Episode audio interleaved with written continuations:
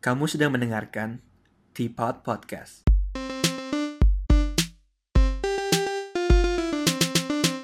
Hello, welcome back to Teapot. How you guys are doing? Uh, balik lagi bersama gue Fernando Sukianto. Dan hari ini gue mau ngomongin soal cara kita menanggapi konten yang quote on quote sampah di sosial media atau di YouTube dan di mana pun itu. Jadi gue kepikiran buat ngomongin topik ini itu karena baru-baru ini sekitar seminggu atau dua minggu lalu kali ya, gue sempet baca berita dan lihat di sosial media juga itu lagi rame ada seorang youtuber dari Indonesia.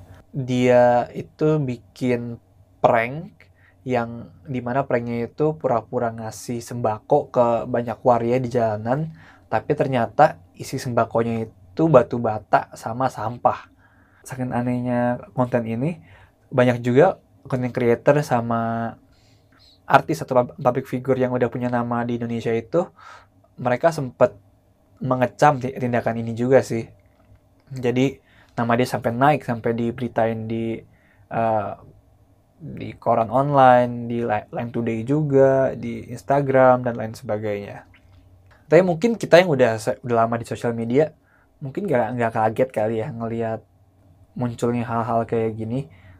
Karena kalau dipikir-pikir udah banyak kan ya konten yang quote on quote sampah atau kalau yang tadi literally pakai sampah dan konten-konten yang cuma cari sensasi gitu kan dengan mereka bener-bener ngomong sesuatu yang melawan arah banget atau ngelakuin sesuatu yang gak acceptable dalam norma kemanusiaan gitu kayak yang tadi.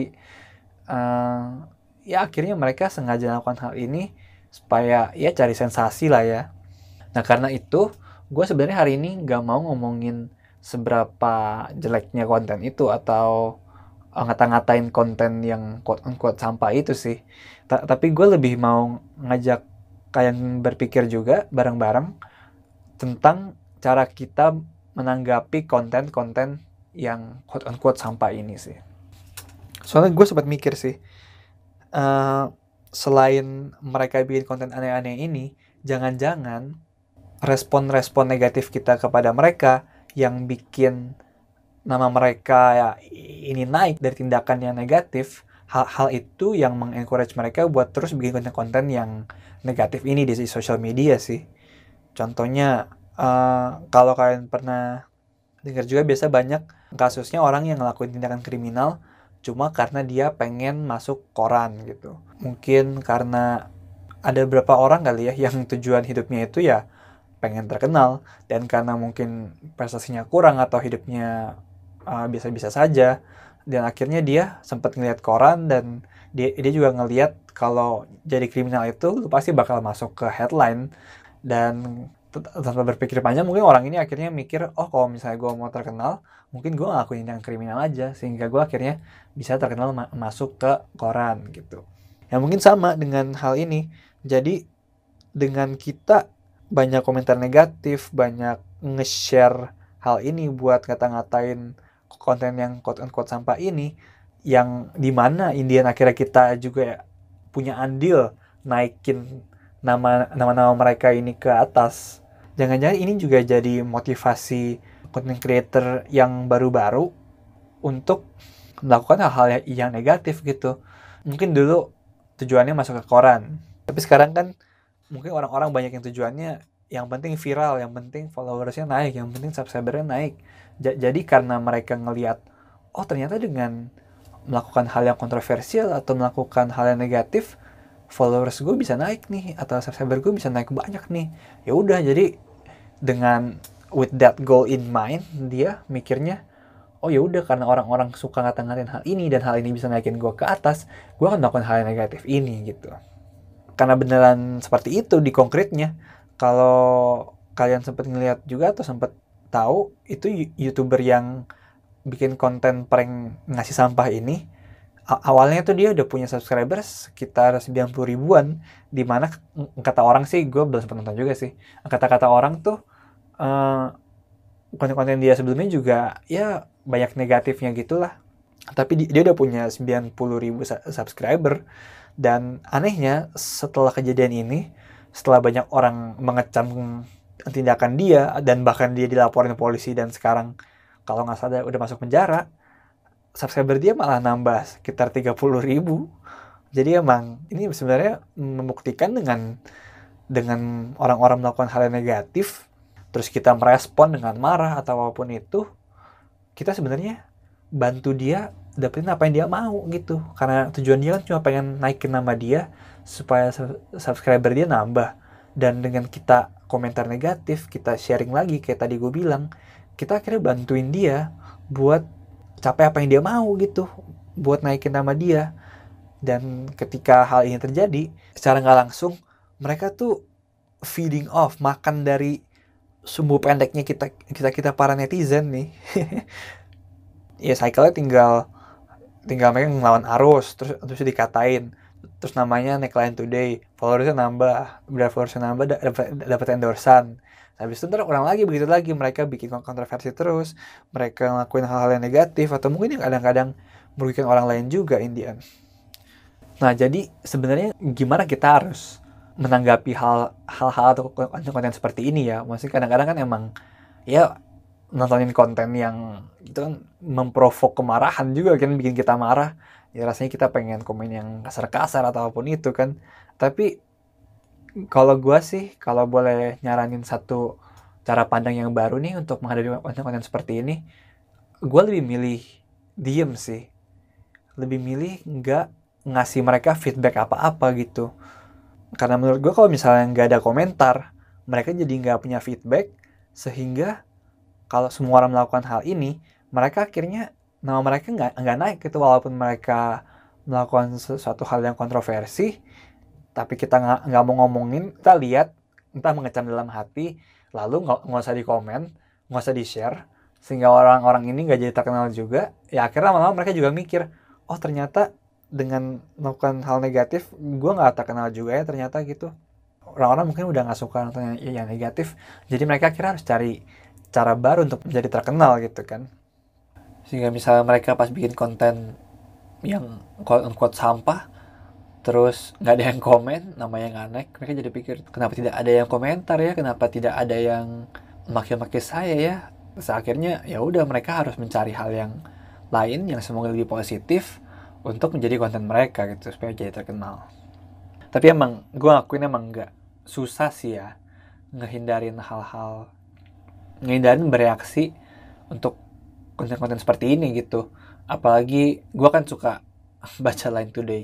Karena menurut gue Line Today is a quick way buat ngelihat berita gitu. Soalnya banyak banget beritanya setiap hari. Dan ya emang banyak berita-berita yang seperti ini juga gitu yang notabene kontennya mungkin gak bermutu atau, atau cuma clickbait ya. Nah ini menarik dari Line Today sih. Jadi kan Line Today itu mereka beritanya sangat beragam ya. Ada juga ada yang benar-benar penting misalnya uh, breaking news dari pemerintah ada himbauan soal COVID yang baru sampai kadang-kadang sampai yang hal-hal benar-benar nggak penting gitu. Misalnya enam barang ini selalu dibawa artis ini ke mana-mana. Nomor tiga bikin geleng-geleng gitu. Apa sih kan sering ketemuin hal-hal kayak gitu kan? Nah gue sendiri sih coba uh, bener-bener supaya nggak ngeklik berita yang kesannya cuma cari sensasi gitu sih. Karena kalau kalian pikir-pikir Line Today kan pasti dia dapat uangnya itu dari jumlah klik yang kita ka kasih atau jumlah jumlah klik yang mereka dapatkan dari sebuah berita gitu kan. Jadi karena berita yang notabene cari sensasi ini itu sangat banyak yang klik akhirnya mereka banyak kesempatan di sini dan mereka bikin banyak berita yang cuma nyari sensasi gitu. Sehingga orang-orang yang yang pengen terkenal juga banyak kesempatan ini dan mereka juga pengen bikin sensasi. Supaya masuk Line Today. Mungkin tadi sedikit ribet kali ya. Uh, jadi kalau bisa dirangkum sih jadi karena karena kita sering ngeklik hal yang nyari sensasi, Line Today akhirnya bikin banyak berita yang nunjukin orang-orang nyari sensasi. Nah, karena Line Today mau banyak berita orang-orang yang cari sensasi, akhirnya banyak content creator yang bikin sensasi cuma untuk masuk ke Line Today dapat banyak exposure sehingga mereka namanya bisa naik juga gitu. Nah dengan kita ngelatih, kita memilah-milah berita yang mana yang kira-kira bermanfaat dan kayak yang bermanfaat, itu menurut gue suatu cara yang baik kalau kita mendukung konten-konten yang lebih positif di internet sih. Ya, dan kita sebenarnya kita harus lebih sadar atas apa yang kita konsumsi sehingga kita nggak mengencourage orang-orang untuk bikin sesuatu yang negatif juga gitu. Walaupun kita tadi gue bilang memang gak gampang buat langsung transform dari yang dulu mungkin sering ngeklik clickbait gini sampai bener-bener free dari clickbait. Ta tapi gue rasa dengan membiasakan hal ini kita lama-lama bisa men-shift persepsi media dari yang fokus ke hal-hal negatif lebih ke mengekspos hal-hal yang lebih positif. Nah, tadi kan di Line Today itu, mungkin kalau di YouTube daripada kita share ini ke orang-orang atau kita komentar yang jelek-jelek. Kalau kalian nonton yang konten seperti ini mungkin ya udah. Kalau udah itu kalian merasa merugikan orang lain ya re report aja mungkin ke YouTube. Karena mereka kan sebenarnya nyari duit dari YouTube nyari dari view. Jadi kalau kalian report mungkin dengan akunnya di blok lama-lama capek kali orangnya. Kalau di blok terus kan akhirnya mulai dari nol lagi ulang-ulang lagi kan pasti lama-lama akhirnya dia dia mungkin jadi mikir oh kayaknya gue harus bikin hal yang lebih positif kali ya. Dan kalau boleh ngomong beberapa pendapat lagi, gue juga sempet ngeliat ya ada youtuber lagi dia sempet di sebuah podcast gitu atau ya kayak talk show gitu ya ke di YouTube. Dia sempat bilang oh iya dia tuh nggak suka pakai masker terus nggak suka cuci tangan dan lain sebagainya. Terus semua orang kayak ngata-ngatain dia gitu katanya jangan ngasih apa ya himbauan yang sesat lah gitu. Tapi gue pikir men bingung juga ya. Kalau misalnya di satu negara ini kita kan pemerintah udah bilang apa udah bilang suruh pakai masker cuci tangan terus semua banyak influencer bilang begitu semua orang setuju kita harus pakai masker dan cuci tangan. Tapi ketika ada seorang seorang youtuber atau beauty vlogger gitu dia ngomong orang-orang gak harus pakai masker dan gak harus cuci tangan. Dan kalau ada yang percaya gue jadi bingung sih yang salah sebenarnya siapa gitu. Masa ada orang yang dengerin satu orang influencer dibanding semua orang di sekitarnya dan semua dan semua jajan pemerintah sih? Gue masih bingung sih. Jadi mungkin kalau ada orang-orang kayak gini ya sama kayak tadi gue bilang lebih baik kita dimin aja kali ya. Dimin aja supaya ya udah dia ngomong gitu. Namanya nggak terkenal juga. Karena ini sebenarnya menurut gue jadi kebalikan. Dulu gue awalnya nggak tahu youtuber ini siapa. Tapi karena karena semua orang kata-ngatain dia gue jadi tahu dia dia itu siapa gitu. Gue jadi tahu keberadaan dia gue jadi tahu karya dia mungkin sedikit. Dia bikin apa di YouTube gitu. Padahal sebelum dia ngomong yang aneh-aneh gini gue nggak tahu dia siapa. Jadi sebenarnya dengan dengan orang-orang kepancing sama ngomongan dia itu dia udah berhasil uh, bikin kalian bantu promosi nama dia. Sehingga bahkan gue aja yang gak nonton make tutorial sampai tahu dia ini uh, beauty vlogger di Indonesia gitu. Jadi uh, I guess seperti kita gue bilang sih lebih cermat dalam komentar. Jangan sampai dengan kita pengen marah-marah doang malah kita banyak orang-orang kayak gini namanya naik dan membuat orang-orang kayak gini semakin banyak bermunculan di sosial media gitu. Yang bikin konten-konten sosial media jadi nggak enak ya buat tonton ya. Nah, mungkin kalau mau disambung-sambungin juga ke politik sedikit nih. Kan di US Donald Trump presiden US kan kayak kayaknya gue gue pikir make taktik yang sama sih kayak para influencer atau youtuber ini. Dengan taktik dia dia dia tuh tahu kalau kita suka yang aneh-aneh gitu. Ini salah satu contohnya jadi kemarin ada sempat sebuah skandal atau kasus gitu, Trump sempat mau pecat Inspektur General yang lagi nyelidikin salah satu Secretary of State ya namanya Mike Pompeo. Karena si Mike ini diduga kayaknya dia menggunakan kayak asisten pribadinya itu untuk hal-hal di luar kerjaan gitu kayak pick up the laundry and, and everything like that. Correct me if I'm wrong sih tapi gue baca sekelibat sih kayak kayak begitu. Terus karena Trump gak seneng akhirnya Trump memecat si inspektur general ini. Dan dalam beberapa saat tuh ya media fokusnya cuma nanya Trump kenapa Trump mecat si inspektur jenderal ini gitu kan. Nah waktu berita masih anget-angetnya tiba-tiba si Trump di sebuah meeting dia tiba-tiba sharing kalau dia itu sempet udah coba makan hydroxychloroquine yang di mana itu adalah obat anti malaria yang katanya sih sempat ada research yang bilang ini bisa bantu uh, ngeringanin COVID gitu, bikin orang lebih cepat sembuh dari COVID gitu kan.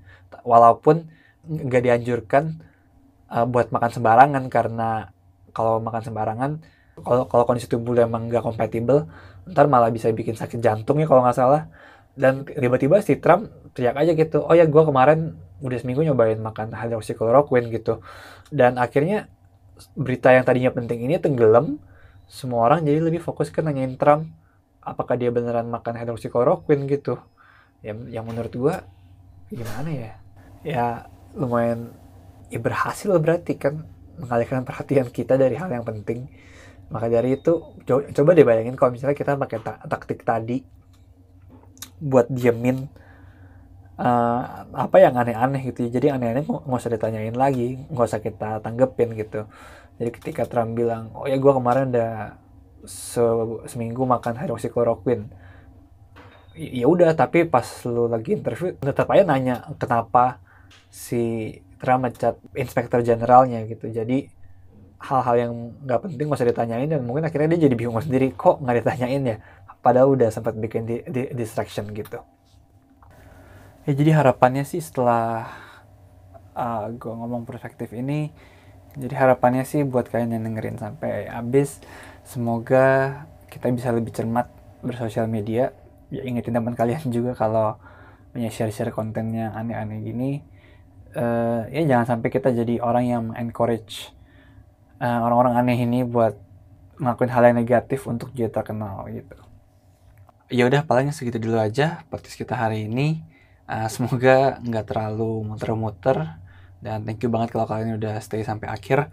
Dan ya seperti bisa jangan lupa follow kita di Spotify, di Instagram, at underscore podcast. Dan kalau kalian punya pertanyaan, komentar, atau saran, bisa langsung DM kita juga. Atau bisa juga email kita di tpotp, tpot pakai D, P, at gmail.com.